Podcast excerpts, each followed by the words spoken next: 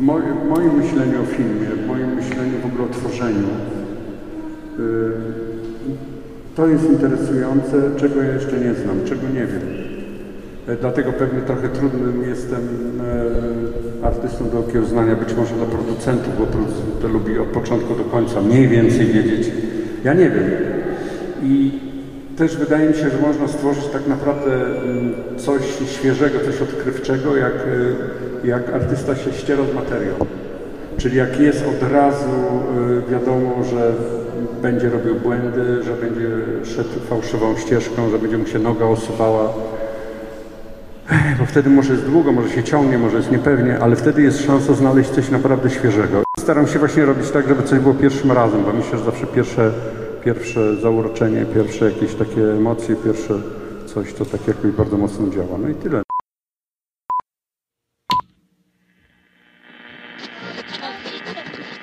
Audio. Wizualny. Trzymam w ręku bardzo pięknie wydaną książkę e, pod znajomym tytułem Zabij to i wyjedź z tego miasta. Jest to rzecz bardzo świeża. Jest to artbook, który towarzyszy, czy jest pamiątką po wystawie, która miała miejsce i jeszcze przez chwilę ma miejsce e, w warszawskiej Zachęcie, a wystawa oczywiście dotyczy e, filmu Mariusza Wilczyńskiego, którego głos przed chwilą słyszeliśmy. Dzień dobry lub dobry wieczór, nazywam się Karol Szafraniec, to kolejny odcinek podcastu audiowizualny i podcast oczywiście opowiada o filmach i szeroko rozumianej kulturze audiowizualnej, a więc mówię tutaj o różnych rzeczach, które się ogląda albo słucha, albo i słucha i ogląda. No i wydaje się, że Zabij to i wyjedź z tego miasta to temat idealny, dlatego że jest to bardzo kompleksowe zagadnienie audiowizualne. Jak się okazuje, wcale nie dotyczy to tylko filmu, e, ale jest to coś dużo szerszego e, i e, można eksplorować temat filmu Wilczyńskiego na bardzo, bardzo różne sposoby. Chciałem Chciałem się przyjrzeć temu filmowi e, bliżej, chciałem się zastanowić nad tym, e, co stało się przez te dwa lata, od kiedy, czy prawie dwa lata, od kiedy ten film e, pojawił się w Polsce, od kiedy wygrał Festiwal Filmów Fabularnych w Gdyni, co było przecież niezwykłym wydarzeniem. To był specyficzny festiwal. Nagrywałem z niego zresztą relacje, bo to był festiwal pandemiczny, oglądało się filmy online'owo. Konkurs filmów mikrobudżetowych wydawał się ciekawszy niż ten konkurs główny. Natomiast e, w nim, w tym właśnie głównym konkursie, ewidentnie wyróżniał się film Mariusza Wilczyńskiego pod właściwie każdym względem. E, film, który wydawał się jakby troszkę z innego świata, a jednocześnie jednak wydawał się na swój sposób współczesny. E, film przełomowy, dlatego że polska animacja przecież jest czymś bardzo znaczącym. Polska animacja autorska cieszy się ogromnym prestiżem na całym świecie. Ona jest przypominana właśnie też w formie wystaw. Natomiast coś takiego jak Zabij to i wyjedź tego miasta. Film, który wywodzi się jakby z tej niszy autorskiej animacji, ale wyrasta poza nią, e, który nagle jako pierwszy w historii wygrywa festiwal filmów fabularnych, polskich filmów fabularnych, który trafia na inne festiwale, także na takie festiwale, e, które nie są związane z animacją. No a ogromne triumfy święci oczywiście też na e, festiwalach czy w konkursach filmów animowanych, no to jest coś e, bardzo niezwykłego, bardzo nietypowego e, i o czym też porozmawiamy sobie w dzisiejszym odcinku. Film wydaje się, że nie pasuje też do klimatu, który mamy troszkę wokół nas, do różnych tematów, o których rozmawiamy, które nas rozpalają, a jednak jest w nim coś bardzo, bardzo uniwersalnego. To specjalny odcinek, dlatego że mamy tutaj, będę miał gości. E, Martę Miś, e, kuratorkę wystawy e, w warszawskiej Zachęcie, no i samego twórcę Mariusza Wilczyńskiego. A będzie ten podcast, ten odcinek troszkę dwutorowy, dlatego że tego wieczora, kiedy nagrywałem ten odcinek, e, z jednej strony e, Marta Miś i Mariusz Wilczyński udzielili audiowizualnego, audiowizualnemu ciekawego wywiadu, ale z drugiej strony tego samego wieczoru odbywało się też spotkanie autorskie e, w Zachęcie, z którego wybrałem też kilka ciekawych wypowiedzi autora filmu.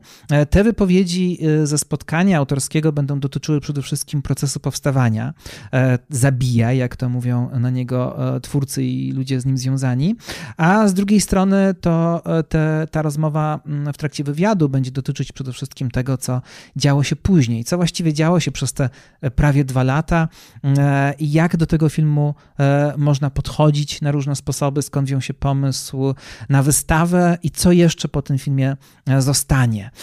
Warto powiedzieć, że ten podcast ukazuje się w piątek wieczorem ostatecznie, ale finisarz wystawy trwa. Piątek, sobota, Niedziela to takie dni, podczas których Mariusz Wilczyński jest fizycznie obecny w przestrzeni swojej wystawy. E, można zobaczyć, jak rysuje e, i można oczywiście z nim też porozmawiać, także bardzo do tego zachęcam. Szczegóły na temat tego, jak będzie to wyglądać, również pojawiają się e, w tym podcaście. Zaczynamy wobec tego od przypomnienia, jak e, zaczęła się historia tego filmu, który powstawał przez 14 lat e, i który, jak się okazuje, zaskoczył samego twórcę swoimi rozmiarami, swoją formą. E, na początku miało to być coś bardzo niewielkiego. Mariusz Wilczyński przez wiele lat tworzył krótkie filmy animowane. Czasami były to samoistne, autonomiczne dzieła, czasami były to na przykład teledyski, Śmierć na pięć Republiki na przykład, a czasami Czasami były to filmy, które służyły oprawie wizualnej TVP Kultura. Na przykład Mariusz Wilczyński, zresztą obecny był w TVP Kultura podwójnie, bo z jednej strony jego e, przerywniki, jego interludia filmowe m, mm, stanowiły o e, wizualnej atmosferze tego kanału, e, ale z drugiej strony sam Mariusz Wilczyński również prowadził tam wiele e, programów e, kulturalnych, rozmawiając e, z innymi twórcami dziedzin rozmaitych. Z pewnością ta umiejętność rozmawiania i kontaktowania się z innymi bardzo mu pomogła w tym, żeby tworzyć ten film, bo Zabij to i z tego miasta jest fenomenem też pod tym względem i będziemy chyba troszkę tutaj o tym rozmawiać, że jest to coś bardzo indywidualnego, bardzo osobistego, bardzo autorskiego, a jednocześnie ten film wychodzi do innych ludzi i samo takim wychodzeniu opowiada. To jest film o relacjach, o poszukiwaniu bliskości. E, I ciekawe jest też to, jak ten proces spotykania się z innymi powiązany był z samym powstawaniem filmu e, i z nagrywaniem dialogów do niego. Prawda jest taka, że nie myślałem o tym, nie wiedziałem jak się pisze dialogi, ale po prostu je pisałem, no bo też e, to pewnie Państwo znają, że się trochę interesujecie. Ja nie miałem żadnych oczekiwań z tym filmem. Ten film na początku miał mieć 10 minut, 20. Oczywiście z latami to, to gdzieś narastało, więc pisałem te dialogi, bo miałem taką potrzebę. Wydawało mi się, że to jest niesamowite. Nigdy nie zrobiłem filmu, gdzie ludzie mówią. I na początku te dialogi miały być skromne, to miały być tylko te dialogi między panią Ireną Kwiatkowską a panem Andrzejem Wajdą. Potem to się gdzieś E, rozrastało. Owo rozrastanie się wiązało się z mnóstwem niesamowitych spotkań z ważnymi postaciami z historii polskiego kina, których głos został e, w filmie uwieczniony. Będziemy wracać jeszcze do tych spotkań w dalszej części odcinka.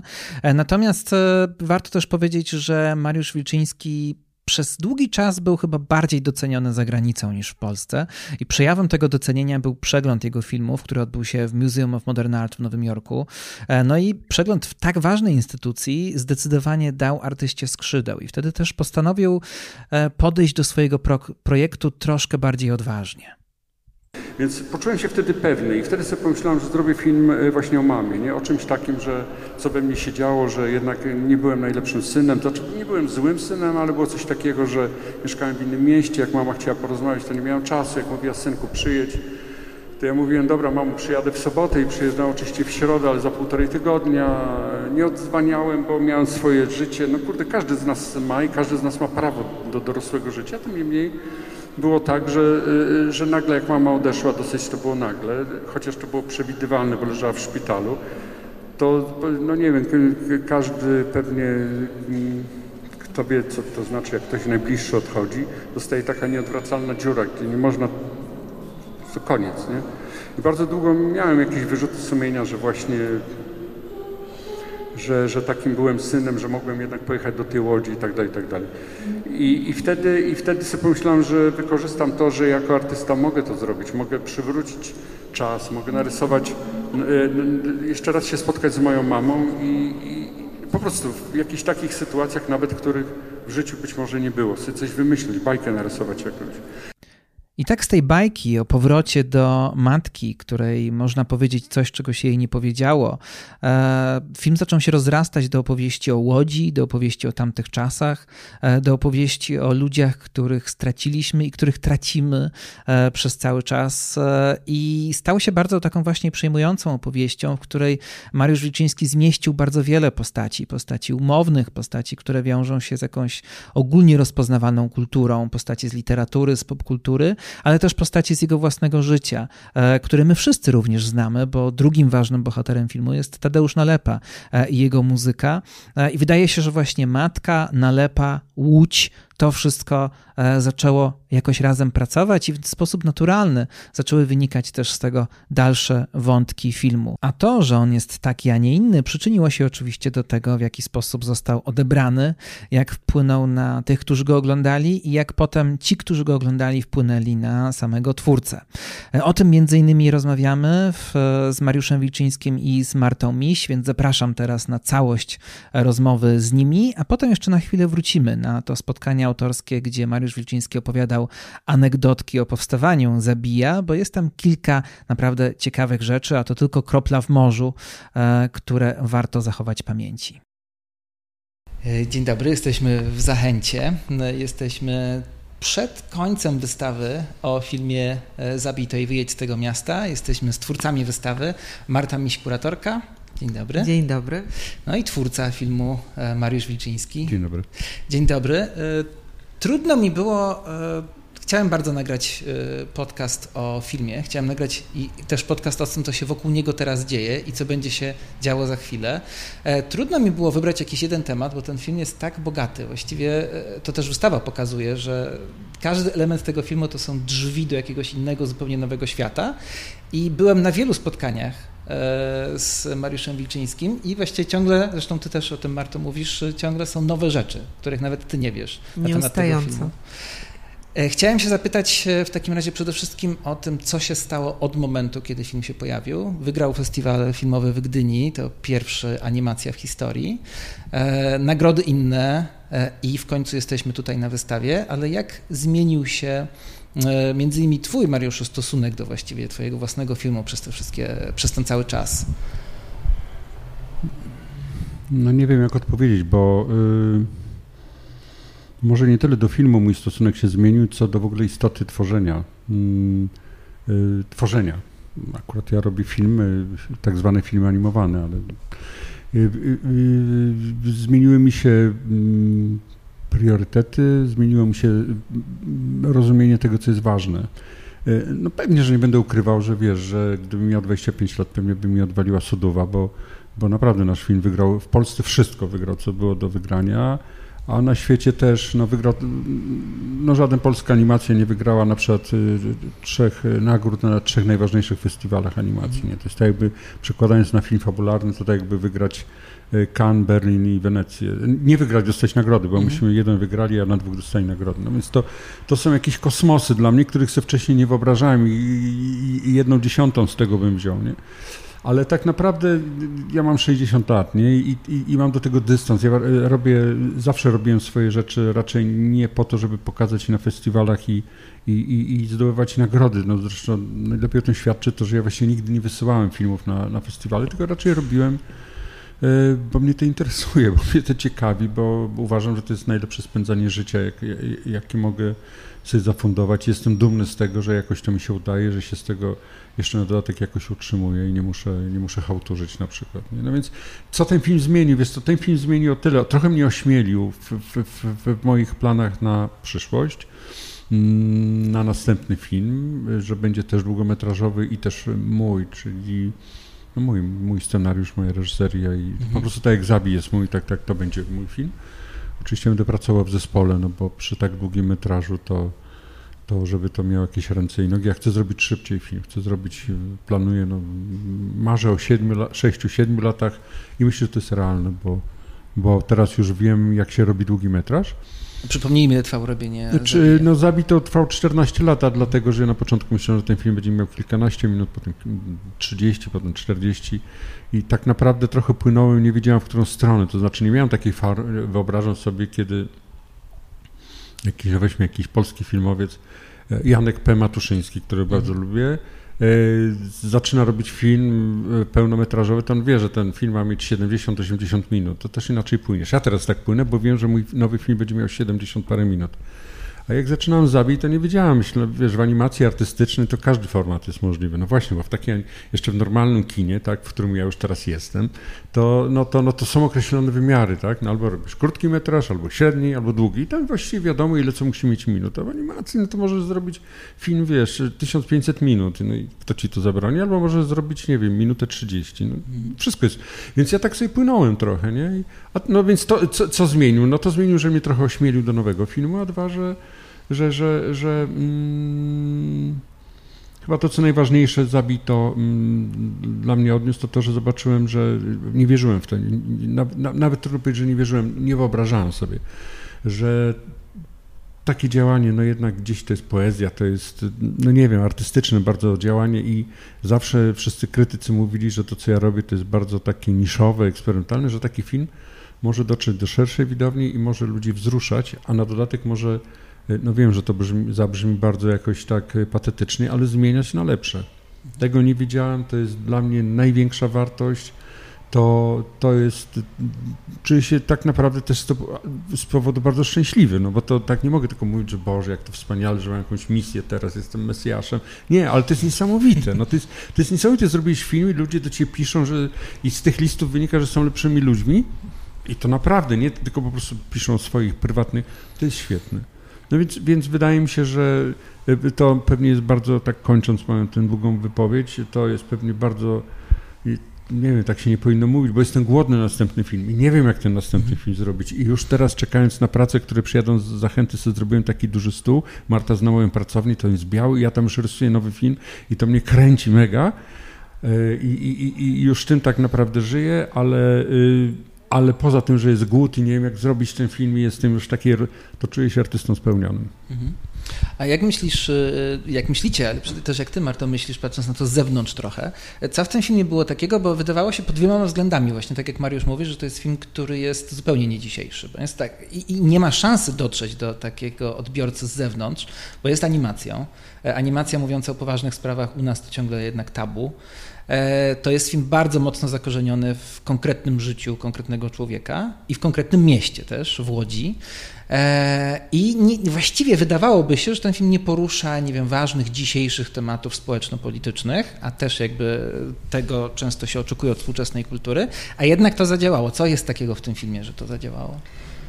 Też się nad tym zastanawiam, dlatego że. Yy jak ja zobaczyłam ten film, to miałam dokładnie te same przemyślenia co ty, czyli tak, no tak, to będzie film na no, moje pokolenie, jeszcze takie urodzone powiedzmy w latach 80., to jeszcze jakby złapie, ale ci, którzy, którzy są młodsi, to już nie złapią. I tak właśnie też to wszystko rozkminiałam, że ci, którzy nie znają Łodzi, to też nie będą wiedzieć, czym jest Angielka. Ale potem wydaje mi się, że to, co jest absolutnie fenomenem tego filmu, to jest to, że Mariusz wstrzelił się w ten taki element, który w sztuce jest bardzo ważny, w literaturze i w filmie i, i, i też w sztukach wizualnych, czyli właśnie w uniwersalizm. Znaczy złapał taki jeden temat, ten właśnie przez swoją osobistą historię i przez to, że jest to opowieść jednak o mm, żegnaniu się z najbliższymi i takim mm, nawet nie tyle nostalgią za przeszłością, co takim rozliczeniem pewnym z, z, z, z przeszłością swoją i, i swoich bliskich że to właściwie dotyczy każdego z nas. I tutaj ta szerokość geograficzna i osadzenie w PRL-u albo nie w PRL-u po prostu ma mniejsze znaczenie. I, i, I, wydaje mi się, że to jest absolutnie to, co stoi za fenomenem tego filmu, ale co wcale nie jest tak łatwo złapać, kiedy się go ogląda i zwraca się uwagę na to, że Mariusz Udało mu się nagrać Irenę Kwiatkowską, Andrzeja Wajdę, Gustawa Holoubka i jeszcze bardzo wiele innych osób, które są ważne dla nas w Polsce i też dla pewnego pokolenia. Kiedy na wystawie spotykałam się przez te no, trzy miesiące ostatnie, spotykałam się z ze studentami, to są też jednak ludzie, którzy są z pokolenia, no, oni są często urodzeni po roku 2000. No. To jest dla mnie takie niewyobrażalne wręcz. E, I, I, to, co było rzeczywiście e, e, ciekawe, to, że oni im te nazwiska, ja musiałam im też częściowo tłumaczyć, kogo Mhm. słuchają, ale za to zwracali uwagę na zupełnie inne rzeczy. Paradoksalnie ym, znali breakoutów. Y, Też mi się wydawało, że to będzie, no nie jest to zespół ym, współczesnej młodzieży, a jednak kurczę, dla tych, którzy się interesują muzyką, to jednak jest ciągle ważny Mhm. zespół. I y, dostałam, to była moja ulubiona historia, kiedy już o- Mariuszowi opowiadałam, jak dostałam po prostu piernicz od e, takiego miłego chłopca, e, który powiedział, on nie rozumie, dlaczego tutaj nie ma breakoutów. Ja mówię, no bo podjęłam taką decyzję, że nie chcę, żeby dominowali nad wystawą, że to jest bardzo ważne w filmie, można posłuchać wszystkich piosenek, bo mamy taką playlistę specjalną, ale że tutaj zależało mi na tym, żeby po prostu puścić te rzeczy, które Mariusz jakby specjalnie nagrał i wymyślił do filmu. Mhm. I na co chłopak mówi, okej, no tak, no przyjmuję pani e, tłumaczenie, ale wciąż się z panią nie zgadzam. Okej, a to powiedzmy w takim razie o, o wystawie, bo jesteśmy w Zachęcie. E, Wystawa jest czymś takim bardzo niezwykłym. E, Wystawa wokół filmu. Już mieliśmy wystawę wokół filmowców w Polsce, ale chyba wystawę wokół jednego filmu jeszcze nie. I skąd się wziął ten pomysł? Jak wy do tego doszliście, żeby ciągnąć ten film dalej, żeby jakby eksplorować cały ten świat, który ten film stworzył? To może ja. E, Nie, rzeczywiście e, takiego pomysłu nie było i powiem szczerze, że to jest trochę taka realizacja mojego marzenia, żeby zrobić wystawę, która wprowadzi ludzi do środka filmu. E, Ja już robiłam wystawy filmowe i wystawy filmów i zawsze raczej grałam z tym, że w przestrzeni wystawienni- że wystawę zmieniałam trochę w kino. E, A tutaj nagle się okazało, że, że kurczę, można Odwrotnie. spróbować, bo ta przestrzeń jest tak niesamowita. I właśnie ta przestrzeń była tym pierwszym, tym punktem wyjścia, kiedy myśmy zaczęli rozmawiać o wystawie, jeszcze właśnie z Hanką Wróblewską e, i z Mariuszem i, i wtedy y, ja tak właśnie mówiłam o tych scenografiach i o tym, że ta przestrzeń jest taka ważna i że w ogóle, wiesz, dla mnie przestrzeń to nie jest tylko scenografia, żeby nie było. Dla mnie przestrzeń, no ja mam takie neoformalne podejście do, do tematu, czyli jakby forma wyraża treść. To wszystko jest ze sobą po prostu splecione, więc jakby te wszystkie elementy są spójne i dla mnie przestrzeń jest czymś więcej niż tylko i wyłącznie właśnie tłem albo scenografią, albo tym, gdzie się dzieje akcja filmu, tylko jest tym wszystkim, co go buduje. Przestrzeń to jest głos, przestrzeń to jest dźwięk, przestrzeń to są bohaterowie, e, przestrzeń to jest opowieść, więc jakby y, gdzieś starałam się to uchwycić. E, No i tak, no to jest film o, znaczy to jest wystawa o jednym filmie i wystawia, y, dla której punktem wyjścia była przestrzeń tego filmu, tak właśnie szeroko rozumiana. Mariusz, czy tobie się od razu ten pomysł podobał? Mm, chyba tak, tak, tak, bo y, ym, zastanowiłem się chwilę, bo wiesz co, bo animacja też y, rządzi się swoim prawem, to znaczy y, nieskromnie powiem, że chyba y, znaczy dwóch y, twórców animacji przede mną miało, czyli no Wielki Antonisz i, i, i, i, i, Kazimierz Urbański, ale jakbyś wziął Antonisza cały dorobek, to ja nie wiem, czy on ma tyle minut, co zabito i wyjedź to miasta. Więc wiesz, to jest trochę coś takiego, nie? że yy, nie wiem, trzeba było policzyć, ale myślę, że wątpię. To samo, no może z Urbańskim inaczej, bo on jednak trochę nie tworzył filmów, tylko to były takie, nie wiem jak to nazwać, yy, impresje, tak? No to nie było tak, że scenariusz, bohater, coś się zdarzyło i tak dalej, tylko to często była analiza, jakieś tam światło, forma i tak dalej. No więc tu jest trochę inne medium, więc wiesz, ten film, e, prawdę powiedziawszy, 90 minut zabija, e, ja tak mówię o moim filmie, Zabito i tego miasta, to, to jest często dorobek jednego twórcy, no, cały. Jakby zrobić retrospektywę Piotka do Mały, to właśnie tyle by pewnie było. Chociaż nie, on tam ciągnął tą zbrodnię i karę trochę. No ale okej, to, to jest duże jak na animację, nie? Antonisz też miał kroniki non-kamerowe. To, to No tak, tak, no ale ja mówię o filmach. Mhm. Natomiast, natomiast tego, natomiast mm, e, podobał mi się ten pomysł. e, To jest inaczej. Jak dostałem tę propozycję od Hanny Wróblewskiej, to byłem w siódmym niebie. Jak przyjechała Hanna, Wrób- czy od pani dyrektor, zachęty, jak przyjechała z, z, z Martą Miś, to w pierwszej rozmowie ja powiedziałem, że pewnie by one i tak tak chciały zrobić, ale ja powiedziałam na wstępie, że właściwie ja jestem zmęczony tym filmem. Film jest cały mój. To wszystko jest e, przeze mnie przeszło. Ja go 14 lat robiłem. Ja ostatnie 3,5 miesiąca na przykład spędzałem nad postprodukcją, wynajdywałem y, tak zwane błędne piksele w tym filmie. Ja już po prostu nie mogę patrzeć na ten film. Znaczy nie, inaczej, jak chodzę do kina, to ja mogę, ja go widziałem z 50 razy i on mi się nie nudzi. To jest, y, nie, ale, ale po prostu pomyślałem sobie, że właśnie niech ktoś zrobi po swojemu. Bo co to za sztuka, że ja będę ciśnieniował i, i, i to będzie gdzieś tam, załóżmy, będziemy się spierać i na moje kopyto, albo w dużej części na moje kopyto. Ja już powiedziałem wszystko tym filmem. Mhm. Tak? No i tak wiem, że film, film tutaj w tej całej galaktyce, wystawa, książka jest podmiotem, no, no, bo, no bo gdyby nie było filmu, to by to się nie wydarzyło. Więc z przyjemnością patrzyłem, jak, jak Marta y, konstruuje swój pomysł, jak wspaniale współpracuje z Lotne Studio, czy z Julią Wróblewską i Basią Sługocką. Y, I, i, i, i to, to, to, no miałem jakieś tam swoje pomysły i, i dziewczyny to uwzględniły, całe szczęście, bo bardzo mi zależało na tym, że był baranek. Mhm. To od razu mówiłem tak no, trochę jak dziecko, Marta, Marta, będzie baranek. Marta, no dobra, zobaczę, czy się zmieścimy w budżecie. Powiedzmy, co to jest baranek? Baranek to jest neon, który towarzyszy mojemu dzieciństwu i widziałem go przez okno, jak byłem w mieszkaniu, gdzie moja mama mnie wychowała w takiej 16-metrowej kawalerce, albo jak mnie podrzucała do dziadków, e, do swoich rodziców i u, nich się chowałem u, u Ireny i Józefa Rodziewiczów i też ten baranek się świecił. To jest tajemniczy, tajemniczy stwór, ponieważ te, ten baranek, tego baranka ja widziałem, jak go gdzieś za, za, zanotowałem w głowie, narysowałem i w tym filmie zrobiłem. Wydaje mi się, że on tak wyglądał. Natomiast Należę do takiej grupy na Facebooku Łódzki Wehikuł Czasu, muszę o tym powiedzieć, bo tam są pasjonaci miasta. Tam są tacy ludzie, że wrzucisz zdjęcie i widać końskie kopyto, kawałek bruku i kawałek i na przykład rynsztoku i kawałek pierwszego piętra i za trzy sekundy masz mhm. info. Tak, to jest zdjęcie z 1899, dzisiaj to jest tu. Więc wiesz, to są tacy pasjonaci, którzy mają to przez... I tego na tej grupie, ja wrzucałem kilkakrotnie, nie ma. Nikt nie zrobił tej fabryki zdjęcia.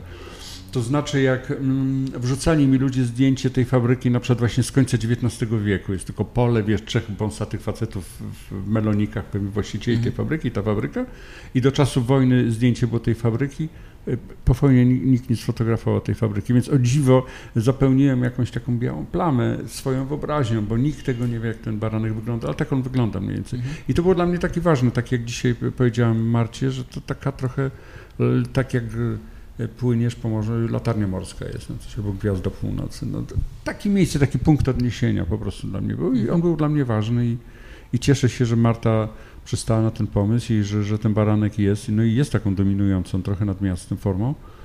I też jeszcze chyba gadaliśmy o rzutniku, zależało mi na tym, ale, ale, to też bardzo jest możliwe, że ja mówiłem, że coś chciałem, a Marta też to chciała, nie? Ja po prostu powiedziałem, co, na czym by mi zależało. Jedyna rzecz, jakiej żałuję, że nie wyszło, to chciałem, żeby była pocztówka dźwiękowa, na niej modlitwa mhm. breakoutów, czy tam nalepy, ale no tutaj jakoś się okazuje, że to już jest handmade i koszta są po prostu kosmiczne.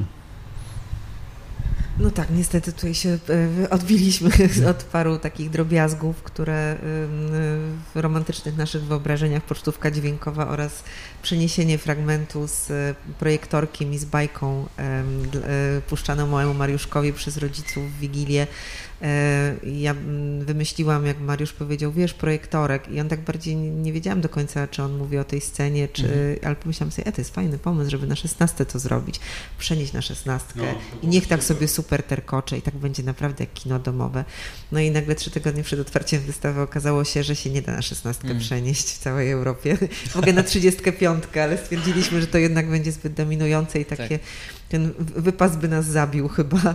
I wtedy, wtedy z dziewczynami zaczęłyśmy się zastanawiać, co zrobić, nic nie mówiąc artyście. E, no. Bo w ogóle miał być, przepraszam, mi zależało, żeby zrobiony był projektorek według mego rysunku, bo ja go narysowałem z pamięci.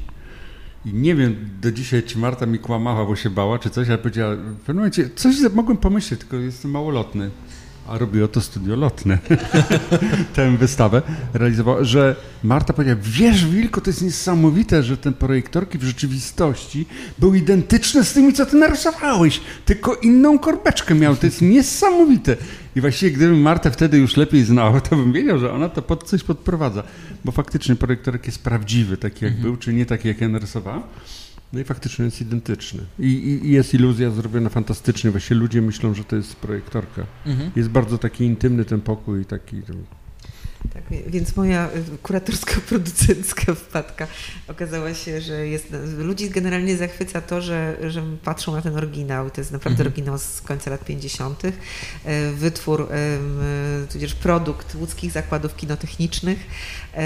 I no właśnie ostatnio byłam w Muzeum Kinematografii. Pierwsze, co koleżanka z muzeum pokazywała, tak, też mamy takie projektory, więc a ja muszę sprawdzić, ja jeszcze tego nie sprawdziłem, to zaraz, bo zaraz idziemy z Martą oprowadzać, y, mm, jeżeli ktoś przyjdzie, widzów, to muszę go powąchać, bo nie wiem, czy wiecie, że te projektorki były robione z ebonitu i one, to nie był plastik, więc one pachniały. Ja pamiętam ten zapach dzieciństwa. O kurde, Dobra, to po 20 będziemy wąchać. Możesz też robić przy publiczności zawsze jako performance. A powiedzcie o tym, co na wystawie znalazło się też, bo, bo, bo znalazło się tam parę rzeczy, których nie ma ostatecznie w filmie. Więc trochę to jest taki jakby rozszerzony świat filmu. I czy mieliście tutaj, nie wiem, jakieś spory, czy na przykład ty bardzo chciałaś, żeby było coś więcej niż to, co można w filmie zobaczyć, czy, czy jak, to się, jak to się narodziło? Znaczy, narodziło się właściwie od razu ym, z pomysłem, żeby to była wystawa jednego filmu. Narodziło się też to, że to nie chodzi o to, żeby po prostu przenieść w, w trójwymiar fragmenty mhm. filmu, y, które możemy zobaczyć w kinie, tylko żeby pokazać też trochę, jak y, Wilk myśli, jak, y, co mu tam się w głowie roiło, jak rysował, jak wygląda też taka jego taka no, kuchnia jego, jego pracy, takiej artystycznej i animatorskiej codzienności. E, I no, Wilk sam nas do tego, czy mnie do tego podprowadził, bo najpierw pokazał fragmenty, które nie weszły, w animatiku zmontowane na tym etapie. Potem e, zaprosił nas do pracowni, pozwolił z Hanką po prostu grzebać po szufladach, obejrzeć 7 milionów rysunków, e, zrobić wielki bałagan. I to wiadomo już było, że, że to, to się po prostu zaczyna układać, bo jakby wiadomo, na początku jest rysunek, a w jego przypadku, jeszcze w przypadku Zabija jest też dźwięk. I to no, również to też muszę powiedzieć, to było dla mnie niesamowite przeżycie, e, że mogłyśmy posłuchać e, surówek ze studia, mhm. E, z tego jak to było nagrywane, jak aktorzy próbowali i ja taką rzeczą, która dla mnie absolutnie była straconym momentem naszej wspólnej pracy i wspólnych dwóch lat ostatnich, to było taki, siedzimy u Wilka w pracowni, Wilk nam puszcza surówki e, z komputerka czy z laptopa i tak siedzimy sobie tak wzdłuż e, biurka i Mariusz mówi, a no i teraz wam puszczę, bo tutaj, ach tak, tak, bo tutaj jest jak Janda nagrywała właśnie Walczyk o Łodzi, kochaną szarą łódź. E, pięknych miast jest co niemiara. Ja mówię kochana Szara Łódź, Mariusz mówi pięknych miast jest co niemiara. Pięknych miast jest co niemiara. I wiesz, i ona w ogóle tego nie znała, wiecie, i puszcza. I mówi tak, tak, bo ja siedziałem w kabinie i wiecie jak to wyglądało. Ja byłem e, w reżyserce, ona była, ona była w studio i e, ja śpiewałem jeden wers i ona po mnie powtarzała. I nagle jest scena i to jest taki moment, kiedy człowiek naprawdę że będzie żałował do końca życia, że nie pomyślał, że ma telefon gdzieś obok, że powinien wziąć, włączyć, nagrać. Bo to wyglądało tak. Wilczyński się siedzi przed małym komputerkiem i śpiewa pięknych miast jest co niemiara, a za chwilę mu odpowiada y, y, Krystyna Janda z komputera. I tak cała piosenka się odbyła. I naprawdę przy, przysięgam, gdybym wtedy to nagrała, to bez, bez, względu na jakość to by weszło na wystawę, ponieważ to był tak ulotny moment i rzeczywiście też wtedy zobaczyłam, jak on to wszystko ma przetrawione, jak on to wszystko zna, ten każdy tekst, ten każdy moment. E, no, pamięć ma słonia po prostu wilk. Ale chcę powiedzieć, że to tak było faktycznie. Nawet tam jest, mamy nagrany, jak pani Krysty, bo mm, ja byłem przed szybą, tu gdzie, gdzie realizator dźwięku, czyli Franciszek Kozłowski, no, a wykonawca, czy tam ten, kto grał, był w kabinie. Więc nie nagrały się mój, mój głos, tak? Ale ja, słuchać, jak Janda odpowiada, no to niech pan to śpiewa, skoro pana na kolonii tego nauczyli, tak? I to było tak, ja śpiewam, pięknych miast jest co niemiara i za chwilę Janda no już ładnie aktorsko, nie tak jakby ja, tak, ja na biało śpiewałem trochę. No ale to też jeszcze była, y, też tak samo wykonaliśmy y, kolendę, którą śpiewa Marek Kondrat i Anna Dymna, bo mi bardzo zależało, że ta kolenda była, y, kolenda była zaśpiewana tak, jak moi dziadkowie śpiewali. Moi dziadkowie byli wilniukami i oni śpiewali inaczej, bo oni śpiewali, jest inna melodia w wileńskiej wersji tej kolendy, chyba po polsku jest tak, aniołowie się zlatują, po, aniołowie, kurczę, nawet nie pamiętam jak to jest po polsku. A moi dziecko śpiewali tak aniołowie się zlatują pod niebiosa, latują gloria, gloria, gloria in excelsis Deo. I to jest inaczej zupełnie, nie? I, i, i, i Anna Dymna tego nie zna, i Marek Konrad, więc ja też każdego z nich osobno śpiewałem jedną, jedną linijkę, oni powtarzali jedną, jedną i potem Franek Kozłowski, mistrz dźwięku, yy, no, no, kleiliśmy to tak, że potem wydaje się, że oni siedzą w intymnej atmosferze, śpiewają ze sobą. A mieliście jeszcze, a propos tych jeszcze rzeczy, które nie weszły do filmu, ale są na wystawie, to ostateczny ten... y, Pan zadał pytanie. Tak. No. Czy to było dla mnie trudne? E, e, Nie, no było coś takiego, bo oczywiście najpierw dałem wolną rękę, zadeklarowałem, że i potem Marta oczywiście sięgnęła po najbardziej łakome ką, kąski i to i był taki moment, że i ona się pyta, to zgadzasz się? I ja powiedziałem, nie muszę to przemyśleć, bo ona chciała jednak z Wie pan, to, to jest tak, że te trzy najlepsze sceny moim zdaniem same w, same w sobie najlepsze, jednostkowo najlepsze, nie weszły do filmu. Czasami tak jest, wyjmuje się coś, co jest najlepsze i całość pracuje lepiej. Tak jest bez wątpienia. Ale ponieważ jako, jako twórca tych scen i mając też świetne dialogi, to, to no myślę o tym, żeby, i myślę, że w nowym filmie wsadzę je, nie? Tak mi pasuje i ten Boniek, i konduktorzy, bo tam gdzieś te filmy się skrzyżują, tak jakby tam dwie autostrady.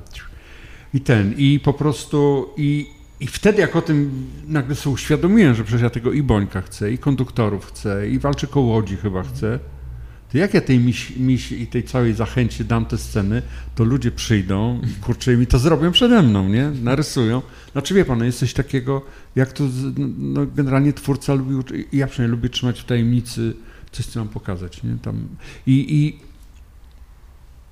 ale no, to mnie przekonało dzisiaj, to mówiłem Marcie też, ale parę osób chyba, ale z reżyserami rozmawiałem, właśnie z Jankiem P. Na pewno, być może z Pawlikowskim, ale być może tego, o to go nie pytałem, ale i, i, i, odpowiedź była taka, że, że bardzo mija dla mnie, że jestem tak niepodrabialny, żebym się tego nie bał. Bo nikt tego nie zrobi, nie? I to w ogóle... I, i, I wtedy się przekonałem i to trochę trwało, zanim się zgodziłem, bo to było mi ciężko. I teraz też widzę, no, mamy wyniki jakieś, nie? Że to dużo osób obejrzało tę wystawę, no ale no, w filmie to będzie zupełnie coś innego. Można powiedzieć, że tutaj jest zwiastun mojego przyszłego filmu. Czyli można powiedzieć, że wystawa jest trochę czymś pomiędzy właśnie e, Zabijem i następnym filmem też w jakimś sensie. No na to wychodzi teraz. Pod koniec wystawy okazuje się, że tak, ale nie mówiliśmy o tym za dużo. Nie, ja czasami zdradzałam, że, że, że, że Mariusz też jakoś ma plany wobec. Taki Zero Waste. No to jest właściwie bardzo teraz modne na czasie, więc, więc rzeczywiście uważam, że to, jest, że to jest bardzo fajne, tym bardziej, że no zawsze w filmie się jednak patrzy, jak coś jest jednak, to są krótkie sceny E, i one, to, to się inaczej odbierze niż na wystawie, kiedy one funkcjonują trochę oddzielnie, trochę w kontekście przestrzeni, która jest zbudowana y, właśnie na ekspozycji, więc tak, wydaje mi się, że w porządku, ale ja też muszę powiedzieć, że ja miałam takie momenty, jak on mi właśnie tak wyskakiwał z takimi co chwilę rewelacjami, ale wiesz co, wiesz co, Misiu, ja- Bońka to ja ci nie dam. Ja mówię, nie no, obiecałeś. I, więc ten, ten taki właśnie jak takie dziecko w sklepie z bońkami, obiecałeś, no, miałeś dać. No, no, bo, bo, bo, no, no, to prawda jest, że cały czas gdzieś miałem takie wątpliwości, bo ja jestem artystą, który jest aktywny gdzieś tam na Facebooku i tak dalej, ale to, to co wszystko jakieś tam bzdurki dookoła, tak, a to co jest istotne nigdy w życiu bym nie zdradził, tak, nikomu nie powiem, o czym robię następny film. No, mogę powiedzieć tak ogólnie, o czym będę robił, o tym, że się artysta wycofuje, tak, i szuka innych wartości, ale to nic nie znaczy, bo o tym jest pewnie 30% filmów, nie, czy tam 10%. Natomiast nie powiem tego, co jest najistotniejsze, nie powiem, no bo to się trzyma taką tajemnicę na dnie serca, nie? Ale, ale tutaj pomyślałem, że no to, to jest 2-3 minuty. No po drugie, ta wystawa jest super, no no, jednak bez to Bońka i bez tej, tej sceny byłaby gorsza. No, ten Boniek, wszyscy mamy sygnały, że nawet wysokie władze rządowe się śmiały przy tej scenie. To Marta Miś przy tym była obecna, czego jej szczerze zazdroszczę. Chciałem zapytać o coś, co zostało, po, bo wystawa się za chwilę kończy, ale jest artbook, jest książka e, i ta książka też jest chyba takim eksplorowaniem pokoików, które się otwierają przy okazji oglądania filmu, bo mamy tutaj kilka tekstów, trzy teksty i każdy idzie w trochę inną stronę. I też od początku chcieliście zrobić artbook, czy to się w pewnym momencie pojawiło? I dlaczego właśnie ci autorzy tekstów? E, od początku e, miał być artbook. To było takie właściwie pierwsze hasło, które rzucił Wilk, jak, jak, jak wystawa, dobra wystawa, tak, tak, tak, i artbook. I wtedy już właściwie nawet się potem już nie zastanawiałyśmy ani z Hanką, ani nie zastanawialiśmy z Hanką i Mariuszem, że to coś mogłoby coś innego być, bo moim zdaniem właśnie e, super jest to, żeby, że właśnie, że nam się udało przy okazji tego projektu zwanego wystawą jakby opowiadać o filmie, bo ten artbook nie jest o wystawie, tylko jest o filmie I, i od początku to był właśnie taki pomysł, że ten film jest tym źródłem inspiracji. A jeśli chodzi o... E, mogę jeszcze, czy chcesz coś powiedzieć? Jeśli chodzi o rzeczywiście o, o samą książkę i o ten dobór, ja się też bardzo mocno wahałam co zrobić, żeby, żeby się odróżnić. To znaczy, bo y, jakby rysunki Mariusza są wystarczające i da się jakby z tego, co on narysował i, i z, zrobił w filmie, po prostu zro, zrobić fajną opowieść też w takiej formie właśnie książkowej. Mm, tylko, że y, y, no, zawsze fajnie obudować to jakimiś tekstami, a bardzo dużo to był taki czas, kiedy myśmy o tym myśleli, kiedy już bardzo, bardzo dużo w filmie napisano. On już był po, po Berlinale wiadomo, ale on już był też po premierze y, polskiej i rzeczywiście ukazało się niesamowicie dużo tekstów i to, to były teksty bardzo dobre. Pisa, pyta, y, prosić tych samych autorów, żeby pisali tekst na ten sam temat, czy na temat filmu, o którym już napisali dobry tekst gdzie indziej, wydaje mi się takie dosyć y jednak y, odtwórcze i też takie męczące dla autorów. Nie powinno się im tego robić. Więc, y, więc dlatego zaproponowałam taką formułę, że zabawmy się, zaproponujmy innych twórców, tak, czyli pisarzy. I, no i ten tak, wybór Doroty Masłowskiej to była oczywista oczywistość, bo, bo mm, przy okazji Zabija y, Mariusz i Dorota y, spotkali się i e, zafascynowali wzajemnie swoją twórczością. W ogóle wa warto dodać, że Dorota Masłowska była w jury y, Gdyńskiego Festiwalu wtedy, kiedy e, wygrywał Zabij. Naprawdę? Tak, tak. A, to widzisz, to ja nawet... To, to jest w ogóle o tym się w, w, w ostatniej chwili dowiedziałam. No, no, to nie wiem, no pewnie skoro mm, lubi nasz film, to pewnie głosowało, ale tam było jeszcze poza Dorotą, z tego co wiem, sześciu innych jurorów. I tego się trzymajmy. E, więc rzeczywiście zaproponowałem, znaczy pomysł był taki, żeby zaproponować jakby tym autorom, e, który wymyśliliśmy, e, czyli to jest Dorota Masłowska, Jakub Żulczyk i Maciek Bielawski, żeby zaproponować im jakby taki mm, pełną wolność. Jest jedno ograniczenie, sześć stron maszynopisu. To jest bardzo krótki tekst, który myśmy nazwali takimi mikroesejami i powiedzieliśmy, że forma literacka jest absolutnie dowolna. E, i każdy może po zobaczeniu filmu po prostu wybrać sobie wątek, zmierzyć się z filmem, z formą, z czymkolwiek. I sam, właściwie nie wiedzieliśmy do końca, co powstanie. No i jak sam powiedziałeś, zauważyłeś to, że powstały bardzo różne, bardzo różne rzeczy. Dla mnie to jest akurat wartość tej książki. E, może nie powinno tak się mówić o rzeczach, e, nad którymi się tak ciężko i z pełnym zaangażowaniem pracowało, bo to takie też właśnie samochwalstwo, ale moim zdaniem to wyszło, wyszło, wyszło ciekawie, jest to intrygujące i, i rzeczywiście jakby to, ta, ta różnorodność też, na przykład dla mnie to było zaskakujące, że e, czegoś się spodziewałam po, po jednym autorze, a no wiadomo jak to jest, kiedy kiedy, kiedy, kiedy mamy jakieś swoje też szufladki w głowie, z czymś się nam twórczość e, e, pisarzy, czy filmowców, czy artystów kojarzy. Cóż ja mogę powiedzieć? No ja mogę powiedzieć tyle, że mm,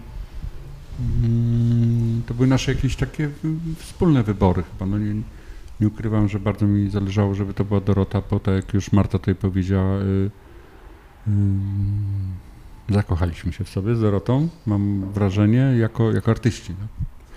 I, I, jakieś snujemy plany na przyszłość i w ogóle jesteśmy podekscytowani. I, i ja kocham, jak Dorota pisze i, i no, w ogóle jest mistrzynią świata.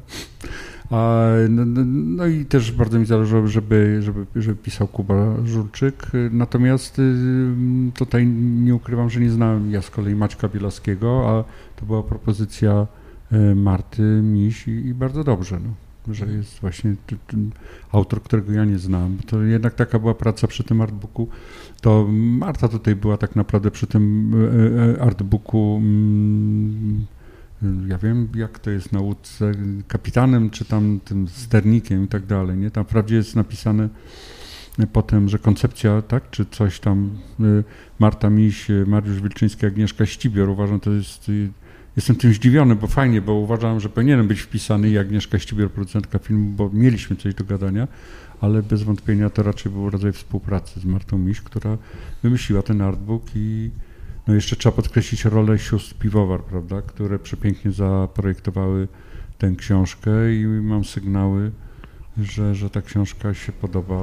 Mm, nawet wczoraj właśnie do mnie pisał Gerber Scheremer, taki bardzo ważna taka szycha ze świata animacji Holender, że przepiękna książka i tak jest fanem, właśnie kupił tutaj online w Zachęcie, do czego Państwa namawiam gorąco. Mam, no właśnie, książka zostaje, e, więc myślę, że będzie można e, też od tej strony ten film sobie przypominać. Natomiast ja chciałem zapytać o dwa tematy, które są w tych tekstach. One mnie też są bardzo bliskie, bo jakoś tak bardzo zauważyłem w tym filmie.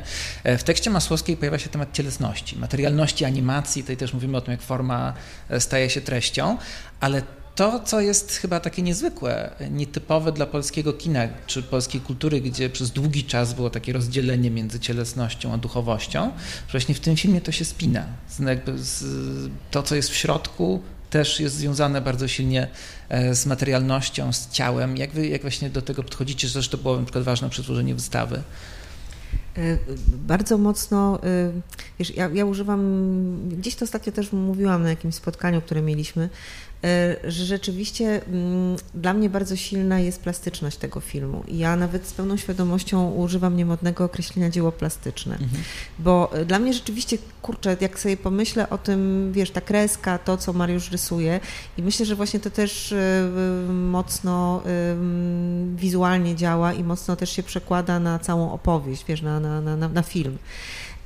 I tak, ta cielesność była ważna. Była, było, było, było, była ważna ta brzydota, była ważna.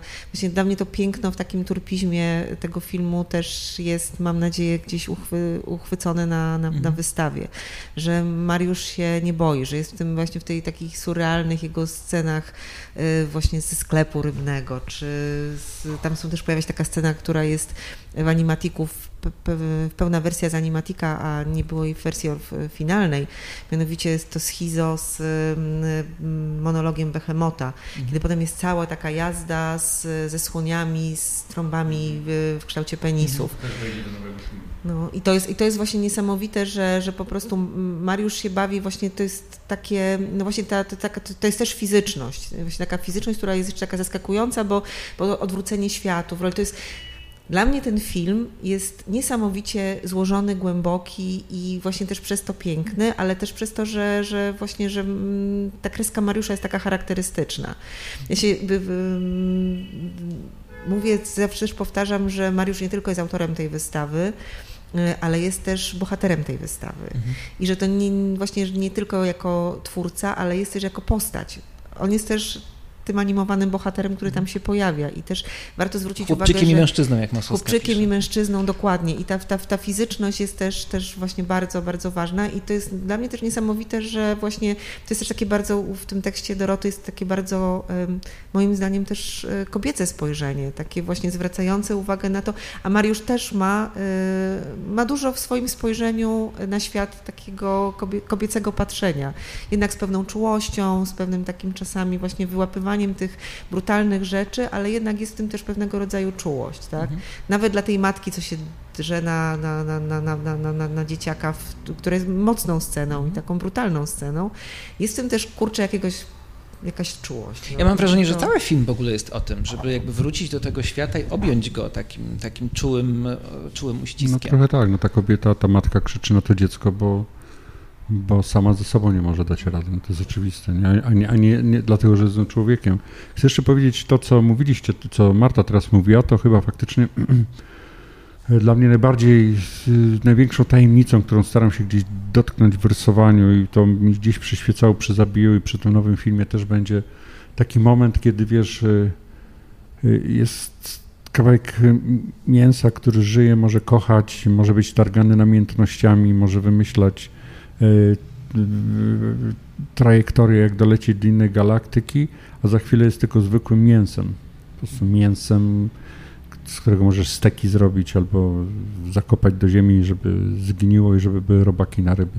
To jest, i, i ten moment, ten jakiś, nie rozumiem, ja tego nie rozumiem, tego momentu przejścia jest to po prostu no, życia i śmierci, nie? ale to, to jest dla mnie coś nie, niepojętego i nie wiem, pewnie tutaj mądrzejsze głowy o, o tym mądrzej mówią, ale ja tego staram się i staram się, staram się w zabiju to dotknąć i gdzieś tam będzie też to w, w, w tym nowym filmie, bo no to jest naprawdę niebywały moment, nie? że po prostu jest kosmos, który jest samym sobie i który potrafi wszystko właściwie skonstruować, wymyślić, stworzyć systemy filozoficzne, nie wiem, malować takie obrazy jak Vermeer, Van Delft, jak e, e, Vermeer, e, no Van Delft, może robić filmy jak Fellini, może tego i za chwilę jest po prostu mięsem, zwykłym mięsem.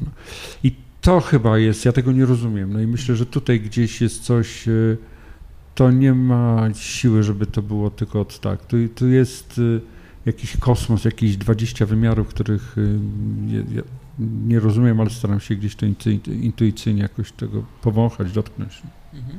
A drugie, drugie pytanie związane z kolei z tekstem Jakuba Żulczyka, czyli z bluesem, bo muzyka jest też dla mnie bardzo ważna, ale temat nalepy mm, się przewija cały czas. Ale mam wrażenie, że, e, bo wiem to z rozmów z różnymi osobami, że nie wszyscy do końca rozumieją, dlaczego właśnie on jest w tym filmie tak ważny. To bym tym ludziom powiedział, no, żeby poszli na film i zobaczyli. No, to wynika jasno z tego filmu, że Tadek jest moim ważnym przyjacielem i tyle. To jest jedno, jedyne wytłumaczenie. Oczywiście nie ma tego w filmie pewnie, co było w moim życiu, że był, e, że ja nie miałem ojca, bo odszedł od nas z mamą, jak miałem jakieś 3-4 lata, że pan, który się związał z moją mamą, był bardzo dobry dla mamy, ale gdzieś no, no był inny niż ja, tak, bo ja nie byłem chłopcem, którego interesuje, jak się wkręca śrubkę, czy jak się wbija gwóźdź. I w wieku 18 lat spotkałem mentora, idola, który tworzył sztukę, muzykę, która, mną pochło, która mnie pochłonęła. Dzisiaj trzeba pamiętać, może młodzi ludzie nie pamiętają, chociaż są właśnie to, co Marta powiedziała, bardzo lubię breakoutów, mhm. że w tych latach, kiedy w 70 latach nalepa to był kurczę jakiś po prostu rozgrzany meteoryt, który przeleciał przez tą tutaj cepeliową kulturę w Polsce.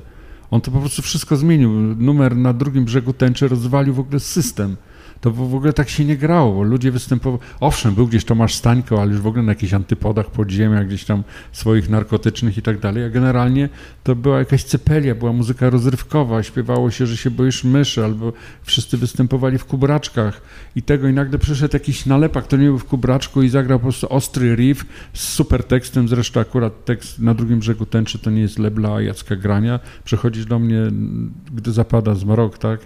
E, zapalasz rzekę tęczy i przerywasz noc. Kurczę, to w ogóle... Nie ma teraz takiego zjawiska muzycznego chyba, które by tak nagle walnęło. Więc to było coś, ja kochałem tego, jego muzykę, poznałem nalepę, pokochałem faceta i byliśmy przyjaciółmi 27 lat. Więc o tym jest ten film, ale myślę, że to wynika z ostatniej rozmowy z mamą. Więc tu się dziwię takim pytaniom. To jest jedyna odpowiedź chociażby, bo to był mój przyjaciel i my jesteśmy w relacji przyjacielskiej. Mhm. E, na koniec chciałem zapytać jeszcze o, o dwie rzeczy. Pierwsza e, taka, mm, że ten film, proces tego filmu, e, on jest tak mocno związany z tym, co w tym filmie się dzieje, bo film jest przecież o tym, film jest o różnych pojazdach między innymi, które jadą i o czasie, jak różne osoby odchodzą, że osoby, które, których głos słyszymy jeszcze były obok, kiedy były nagrywane i kiedy film powstawał, a kiedy film wreszcie powstał, to już ich nie było, więc ten proces pożegnania czy żegnania się pojawiał się w trakcie też tworzenia filmu. Chciałem się zapytać, czy nie myśleliście nigdy o tym, żeby stworzyć jeszcze jedną książkę, jakbyś rodzaj jakiegoś dodatku, bo wszystkie spotkania wokół tego filmu to jest kopalnia opowieści, jak nagrywały się kolejne e, głosy, e, jak przebiegały kolejne spotkania. E, I ja myślę, że znając te wszystkie historie, ten film staje się jeszcze ciekawszy, bo on jest jakimś takim rodzajem wydarzenia, które opowiada, które samo w sobie jest tym, o czym opowiada. I, I, czy nie myśleliście jeszcze o tym, żeby to nie zniknęły te wszystkie opowieści? Właśnie choćby dzisiejsza anegdotka o Jandzie. E, no, to znaczy tak, ja, ja jako, nie, jako twórca, no trochę nieskromnie odpowiem, że oczywiście marzyłbym o tym, no ale to, to jest trochę abstrakcja, bo kto by to miał zrobić, kto by miał znaleźć na to środki, E, jasne, no, no, bardzo bym chciał i mało tego, gdyby się to znalazło, gdyby na przykład Marta Miś chciała to pilotować, to na pewno bym chciał na tej zasadzie, że tak jak w przypadku wystawy, właściwie nie chciałbym za wiele mieć do, do powiedzenia, takie, w sensie takim, że modulować coś. Znaczy może na coś bym się tam nie zgodził, gdyby coś tam Marta za bardzo chciała odsłonić, jakąś prywatność czegoś, ale generalnie myślę, że nie, nie chciałaby tak. Natomiast, natomiast chciałbym, że to ktoś zrobił po swojemu, tak jak Marta Miś zrobiła tę wystawę po swojemu. To ja powiem, że ten dźwięk, znaczy to jest o tyle też dobre pytanie, że ja na początku miałam taki pomysł, że ta ostatnia, najmniejsza sala, że ona będzie ciemna całkowicie i tam będzie taka właśnie forma słuchowiska, czyli że zrobimy montaż z tych, że zrobimy montaż z tych właśnie surówek ze studia. Też rozumiem Wilka, że nie bardzo chciał, żeby tak poszło po surowości, bo mhm. wiadomo, że tam były też takie momenty bardziej prywatne, nagrane, jakieś takie właśnie rzeczy, które były złapane przez mikrofon, ale jednak nie, nie, nie do końca wchodziły. Po drugie, pewnych rzeczy jednak, nie chciałbym mhm. zdradzać, mhm. chciałbym, żeby pewne rzeczy były przykryte takim całunem tajemnicy, jednak. Mhm. Zdradzamy warsztat, ale już nie wszystko. Mhm. Tak, natomiast rzeczywiście to jest też ciekawe, ponieważ bardzo dużo tych opowieści to są też opowieści wspomnienia Wilka, pewnie Franka Kozłowskiego też byłyby super ciekawe, czy osób, które były w ten proces przez te wiele lat zaangażowane. Myślę, że to jest po prostu świetny temat na taką książkę, która byłaby formą wywiadu, reportażu, takiej opowieści, ale też bardzo ważne, właśnie y, myśmy nawet mieli taki przez chwilę pomysł, który był y, z dźwiękiem związany w filmie, ale nie z dialogami. Mianowicie, żeby zrobić takie QR-kody w książce. Był taki, mhm. pamiętasz, taki pomysł, który się wszedł piwowarką do głowy, żeby zrobić QR-kody w książce, że można sobie po prostu wejść i odsłuchać, jak y, spada liść, albo jak mhm. Huczy burza, albo jak opadają, opadają krople, ponieważ tak naprawdę ten film to jest dla Y, kogoś, kto słucha. To jest film do słuchania również, właśnie przez te głosy, przez muzykę, ale też przez te dźwięki diegetyczne, które tam mhm. są złapane. Przez jakby, to są drobiazgi i dlatego ja naprawdę to, co dla mnie mówi o przestrzeni też, ale też ja odkryłam y, w tym filmie Mariusza Wilczyńskiego po prostu nie tylko gościa, który świetnie opowiada, ale też gościa, który ma fenomenalny słuch. I to tak, tak mówię ci komplement teraz.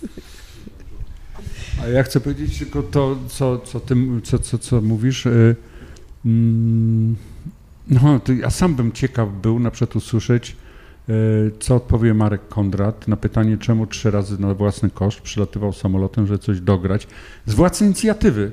Mhm. On do mnie dzwonił, mówi, y, Mariuszek, to jest, to, to, to, to trzeba lepiej zagrać i, i przelatywał i dogrywał coś, nie? Co tymi ludźmi kierowało i o tyle fajnie by było, żeby gdyby coś takiego zrobić, że się pospieszyć, bo czas się kurczy, tych ludzi jest coraz mniej.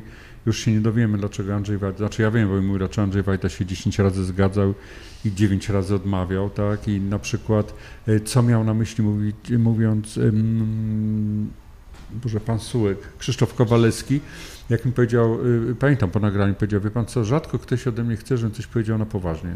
Mhm. A pan tutaj mi dał tekst i, i dał, dziękuję. Nie? Bo każdy chciał od pana Kowalewskiego pana Sułka generalnie. Więc, więc, więc to, to, to były bardzo ciekawe, bo ja myślę, że często dla tych aktorów to były rzeczy mało znaczące. Mhm. Tak myślę, no bo to jednak na filmie to nie jadą, film, catering, coś tam, tydzień z ekipą, miesiąc z ekipą, nie wiem. A tutaj no to często nie wchodzili do studia na, na 4 godziny i wychodzili potem. A na przykład ciekawą rzecz mi bardzo powiedział y, Andrzej Chyra, bo powiedział, wiesz co, to, to chyba on powiedział w telewizji, jak było tuż przed y, galą wręczania Lwów, kiedy myśmy jeszcze nie wiedzieli, że dostaliśmy Złotego Lwa, a i, to, i on powiedział, że ten film chyba tak wyszedł y, od strony aktorskiej świetnie że oni tak świetnie zagrali i to Chyra powiedział, bo myśmy nie mieli, jak on to określił, że on nie miał świadomości wagi tego filmu. Mhm. Nie?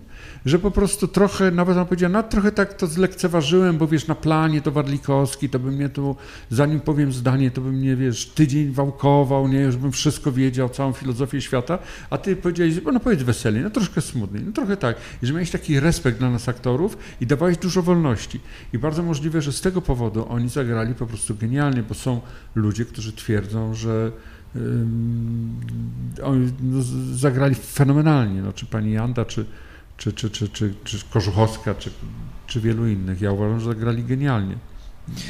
Słuchajcie, zaraz macie oprowadzanie, a tutaj będą jeszcze wydarzenia w piątek, sobotę. To może powiedzcie, co, co, że będzie można spotkać artystę jeszcze. Tak, będzie można spotkać artystę. Rzeczywiście te ostatnie trzy dni to pierwszy taki finisarz w Zachęcie. E, właściwie to jest taki forma też performance'u i spotkania z publicznością jednocześnie, e, gdyż albowiem artysta będzie siedział na wystawie w tajemniczym, w tajemniczym pomieszczeniu i będzie rysował nowy film. I będzie można przyjść, zobaczyć, dotknąć.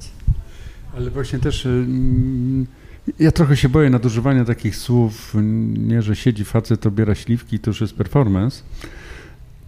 E, ale tak naprawdę, jak rozmawialiśmy z Martą, może też, żeby nie budować e, czasami jakichś mitów czy coś, ja po prostu będę siedział, będę rysował ten film, bo ludzie sobie, Bóg wie co wyobrażają, to po prostu będzie siedział z walisty facet z dreadami przy małym biureczku, będę miał kartki, będę sobie rysował, będę tak robił, jakbym był w domu u siebie, nie? Bo tak powstaje ten film na tym etapie, na którym e, nowy mój film jest, czyli tak naprawdę dopiero Y, pobudzania pewnych emocji. Już mam te, już te różne, mam tam, tam taką siatkę, ale, ale to muszę sobie rysować cały czas, żeby, żeby to... Także tak, no będę siedział, rysował przez trzy dni, będę rozmawiał, zapraszam, jestem super rozmówcą. A jeszcze się zastanawiam, czy nie zrobić tego, ale to nie wiem, to muszę Marty mi zapytać, bo cały czas się waham, jaki tytuł filmu, więc być może w ogóle zrobię tak, że napiszę parę tytułów, ludzie będą głosowali i ten, kto wygra, dostanie nagrodę. Boże, jak to tanio zabrzmiało. Okej, okay, czyli bardzo wiele rzeczy, także można przyjść i kontynuować też rozmowy o filmie. Bardzo Wam dziękuję. Marta Miś, Mariusz Wilczyński. Dzięki wielkie. Dziękujemy i zapraszamy do końca, do końca tygodnia do zachęty. Dzięki. Okazuje się więc, że działalność twórcza to jest nieustający proces. Tworzenie filmu jest procesem, to co dzieje się później wokół tego filmu, a to z kolei rodzi pomysły na kolejne filmy i teraz możemy troszeczkę współtworzyć ten proces, do czego jak najbardziej zachęcamy. E, nic nie wiemy na ten temat, żeby miała ukazać się w najbliższym czasie przynajmniej książka dokumentująca współpracę Mariusza Wilczyńskiego e, ze znanymi postaciami e, polskiej kultury. Nie powstała też audycja, o której mówi Marta Miś, która mogła być częścią wystawy, ale te historie cały czas są i Mariusz Wilczyński je opowiada. E, I warto e, kilka z nich posłuchać w ramach obiecywanego suplementu. One są ciekawe nie tylko dlatego, że dotyczą znanych ludzi, że są wzruszające, czasami smutne, czasami bardzo zabawne, no ale też jest to po prostu opowieść o człowieku, który jest owszem ze świata kultury, ale spoza świata kina, a właściwie też spoza świata animacji, e, bo Mariusz Wilczyński z wykształcenia jest malarzem, malarzem, który zaczął jakby uruchamiać e, swoją plastykę. E, no i nagle te, taki człowiek chce pracować z Andrzejem Wajdą, chce pracować z Krystyną Jandą i jak to właściwie zrobić? E, Tomek, Tomasz Stańko zażartował, że jak Wajda się zgodził, to wtedy wiadomo, że każdy się zgodzi. Ale to tak Tomka gadanie, a po drugie Wajdę, no to ja poprosiłem już, już na, jakim, na jakimś tam etapie. Nie no, musiałem przedstawić scenariusz i czasami to były takie dla mnie bardzo zaskakujące i takie miałem, na przykład do pani Krystyny Jandy nie wiedziałem jak zdobyć, ja to opowiadam, bo to jest taka anegdota, ale to jest prawda. Mam kolegę, mogę tyle zrobić, że radiowca, który spotykał się towarzysko z asystentką pani Jandy. I ona mi dała telefon do Jandy, ja zadzwoniłem no, jak, jak jakiś jelonek. Dzień dobry, nazywam się Mariusz Wilczyński, robię film animowany, będę rysował. Chciałbym, żeby Pani mi zagrała główną rolę głosem swoim. I pamiętam, że była taka cisza i, i taki, taki, słucham? No i powtórzyłem to, już czułem, czułem, że jestem na straconej pozycji i wtedy pani Janda powiedziała, pamiętam to dzisiaj, powiedziała tak, e, szanowny panie, skoro już pan do mnie zadzwonił, to niech pan wyśle scenariusz i tutaj poda adres, chyba Teatru Polonia. Niech pan już do mnie nie dzwoni, ja, do, ja się z panem skontaktuję. Więc byłem przekonany, że sprawa jest przegrana. I na drugi dzień, dosłownie to było po południu rano, miałem y, maila od niej. Szanowny panie, przeczytałam, zadziwił mnie pan, jestem do pana dyspozycji. Jak w takim razie dostać się do Andrzeja Wajdy i co ma z tym wspólnego Marek Kondrat? Nie, no, z Andrzejem Wajdą było tak, że... Mm, nie wiedziałem, jak do niego dotrzeć i postanowiłem dotrzeć przez mm, Pawła Edelmana, którego znałem z Łodzi, wybitnego operatora. Yy, I Paweł powiedział, że on zapyta Wajdę, czy się zgodzi podłożyć głos. I to się bardzo długo przeciągało. Paweł, Paweł nie odzwaniał do mnie i zadzwoniłem do niego, bo wtedy oni kręcili Tatara w Grudziądzu.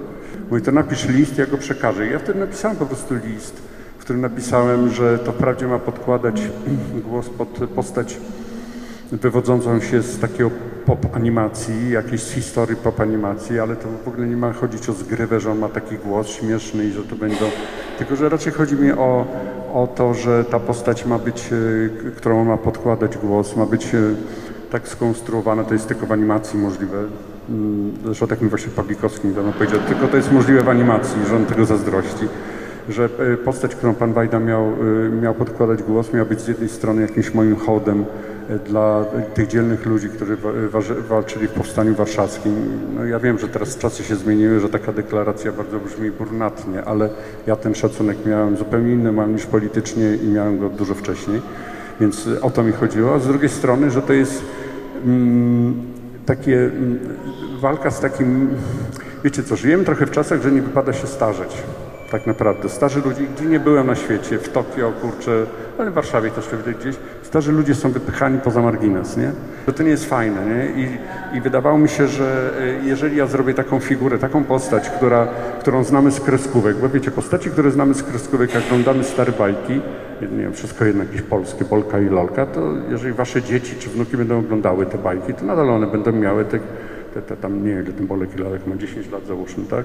I te postacie się nie starzeją. Mój pomysł był bardzo prosty i wydawał mi się mocny, że postać animowana, którą wszyscy znamy, no, w wyniku różnych u mnie ona się tylko kojarzy w tej chwili z tą postacią taką, z Kaczorem Donaldem, mówiąc wprost, że po prostu nagle ja spotykam tę postać i się okazuje, że to jest pełnokrwista postać z uczuciami ludzkimi, z, i jeszcze staram się narysować taki portret, pełny portret miłości ludzi i właśnie nie młodych, no bo wiadomo, jak się poznajesz, z kim się zakochujesz, no to, to, to, to, wiadomo, jak wygląda ta miłość, ale taka miłość po kilkudziesięciu latach. Nie? Ja mu to wszystko motywowałem i, i Wajda się po prostu zgodził. Zgodził się, ale napisał, że on jest... Ja mam ten list i to jest niesamowite, bo on napisał tak. Szanowny Panie Mariuszu, po 53 latach pracy w zawodzie reżysera myślałem, że już mnie nic nie zaskoczy.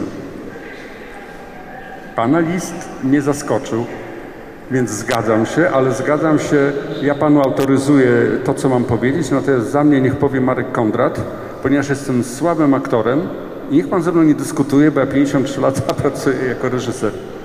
No więc już miałem połowę sukcesu, ale no kurczę, no sobie pomyślałem, że, że będę walczył o niego dalej i walczyłem o to, żeby on zafunkcjonował w naszym filmie. I, i, i już byłem pewien, że, Kondra, że, że ten, że, że Wajda y, przyjdzie i dosłownie, ja mieszkam na wsi, więc y, mam małe psy, które uciekają przez dziury w płocie, więc żeby nie uciekły, musiałem z nimi wyjść na spacer, żeby zrobił siku, żeby je zamknąć w domu, więc to u mnie trochę trwa, zanim wyjdę. I w tym momencie jest telefon, widzę, że ten Andrzej Wajda, nie? I, i pani Krystyna, mój pani Mariuszu, mąż do pana. No i on zaczął tak, przepraszam, myśmy wszyscy w ekipie w pewnym momencie mówili Wajdą, nie? nie? Nieudolnie, ale on coś takiego, no, więc ja też tak mówię. On mówi, panie Mariuszu, no ten, ja nie mogę, wie pan, zagrać w tym filmie jednak. Ja mówię, mistrzu, dlaczego? Jesteśmy umówieni, jest studio, ma mistrz... Wie pan co, bo ja nie brałem udziału w powstaniu warszawskim. Ja wtedy jakoś histerycznie się. Powiedziałem, mistrzu, ale mistrzu, mistrz nie gra siebie, to jest rola. I pamiętam taka cisza. No ma pan rację. Ostatecznie okazało się, że Andrzej Wajda e, miał słuszność co do ocenienia swoich zdolności aktorskich i faktycznie większość kwestii Andrzeja Wajdy w filmie mówi Marek Kondrat udający Andrzeja Wajdę, ale co uważniejsi mogą wychwycić kilka fragmentów, w których prawdziwy głos Andrzeja Wajdy e, słychać. Okazało się też, że Marek Kondrat stał się bardzo ważną postacią dla e, Mariusza Wilczyńskiego, bo sam zgłosił się jeszcze do zagrania jakiejś innej roli. Nie chciał tylko być głosem Wajdy, chciał być też Markiem Kondratem po prostu. No i e, dzięki temu dostał rolę bardzo ważną, czyli e, głos ojca Mariuszka, e, więc właśnie jego wtedy w filmie słyszymy. No i było to wielkie wyróżnienie, bo to czas, kiedy Marek Kondrat już nie grał w filmach, a jednak tutaj zgodził się wystąpić i jak zapowiada Mariusz Wilczyński, nie jest to koniec współpracy obu panów. Te wszystkie historie, anegdotki, opowieści o procesie powstawania prowadzą ostatecznie do pewnej konkluzji, którą już gdzieś zaznaczyliśmy na początku, czyli do tego, jak e, bardzo cały ten projekt Zabij to i wyjedź z tego miasta jest o relacjach. Jest e, bardzo o tym, że jednocześnie mamy swoje własne światy, ale z drugiej strony te światy istnieją dzięki relacjom z innymi ludźmi, którzy też mają gdzieś swoje e, własne światy. Ta współpraca e, z tyloma osobami przy tworzeniu filmu była niezwykle interesująca, niezwykle bogata i wydaje się też, że animacja jest właśnie czymś bardzo wsobnym, zwłaszcza autorska animacja, gdzie mamy animatora, który naprawdę mieszka we własnej własnej głowy i po prostu tę głowę przenosi na różnego rodzaju nośniki. No ale okazuje się, że e, nawet pod tym względem, nie tylko pod względem e, tworzenia dźwięku, ale też pod względem tworzenia obrazu, e, nie da się tak dużego filmu animowanego tworzyć w zupełnej samotności. Trzeba było otwierać się na współpracę z bardzo wieloma osobami, które miały swoje zdanie na temat tego, jak ten film powinien wyglądać. I między innymi coś, co jest takie nieodgadnione dla wielu, współpraca praca z animatorami wydaje się być niezwykle ciekawa i momentami też niezwykle problematyczna, ponieważ trzeba się dosłownie niemalże dzielić sobą z innymi. Bo ja na początku myślałem, że ja ten film sam narysuję. Będzie Szczepanowicz, będzie montażysta, Franek, sami zrobimy. W pewnym momencie sobie uświadomiłem, czy to Piotrek mi powiedział, który mocniej stąpa po ziemi, czy ja sam, że jak ja chcę sam rysować, to ja będę ten film rysował 20 lat. I problem był taki, że trochę się ciężko mi było oddawać ukochane sceny jakieś do rysowania animatorom, nie? No bo to jest, no to jest tak jakby się dzielić, no nie wiem, no siedzisz z osobą przy stoliku, którą kochasz i podchodzi przystojny kawaler, mówi, czy mogę zatańczyć z twoją dziewczyną? No jasne. Kurwa, tańcz. No.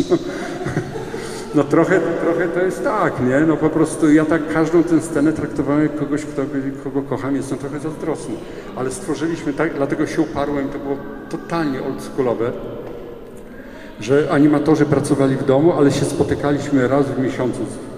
Spotykaliśmy się, nie że na Zoomie, na fakt, że wtedy jeszcze nie było czasów Zoom, ale spotykaliśmy się, gadaliśmy, bo dla mnie była ważna ta więź, którą budujemy, nie? że mamy wtedy do siebie jakieś zaufanie, że właśnie to jest coś więcej niż praca, że ty u mnie rysujesz i ja ci za to płacę, no czy potem jest producent. Nie, żeby myśmy po prostu byli w, w takim związku emocjonalnym jakoś trochę. Dlatego to tak wyszło chyba.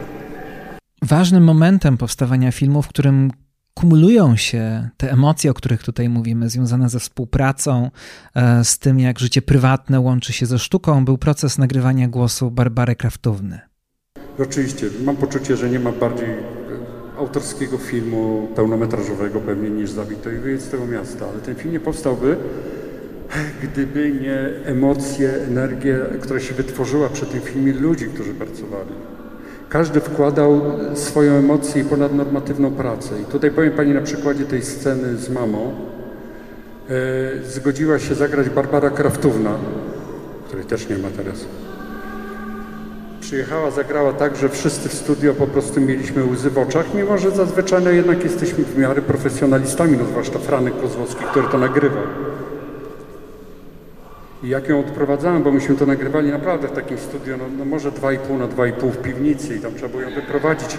Ja zamówiłem taksówkę, to ona się odwróci, ona była taka kurchutka, kurczę, to było jak z cukru, nie? Jak, taka malutka. I mówi, a wie pan dlaczego ja to tak przyjęłam i zagrałam? Przyjęłam tę rolę.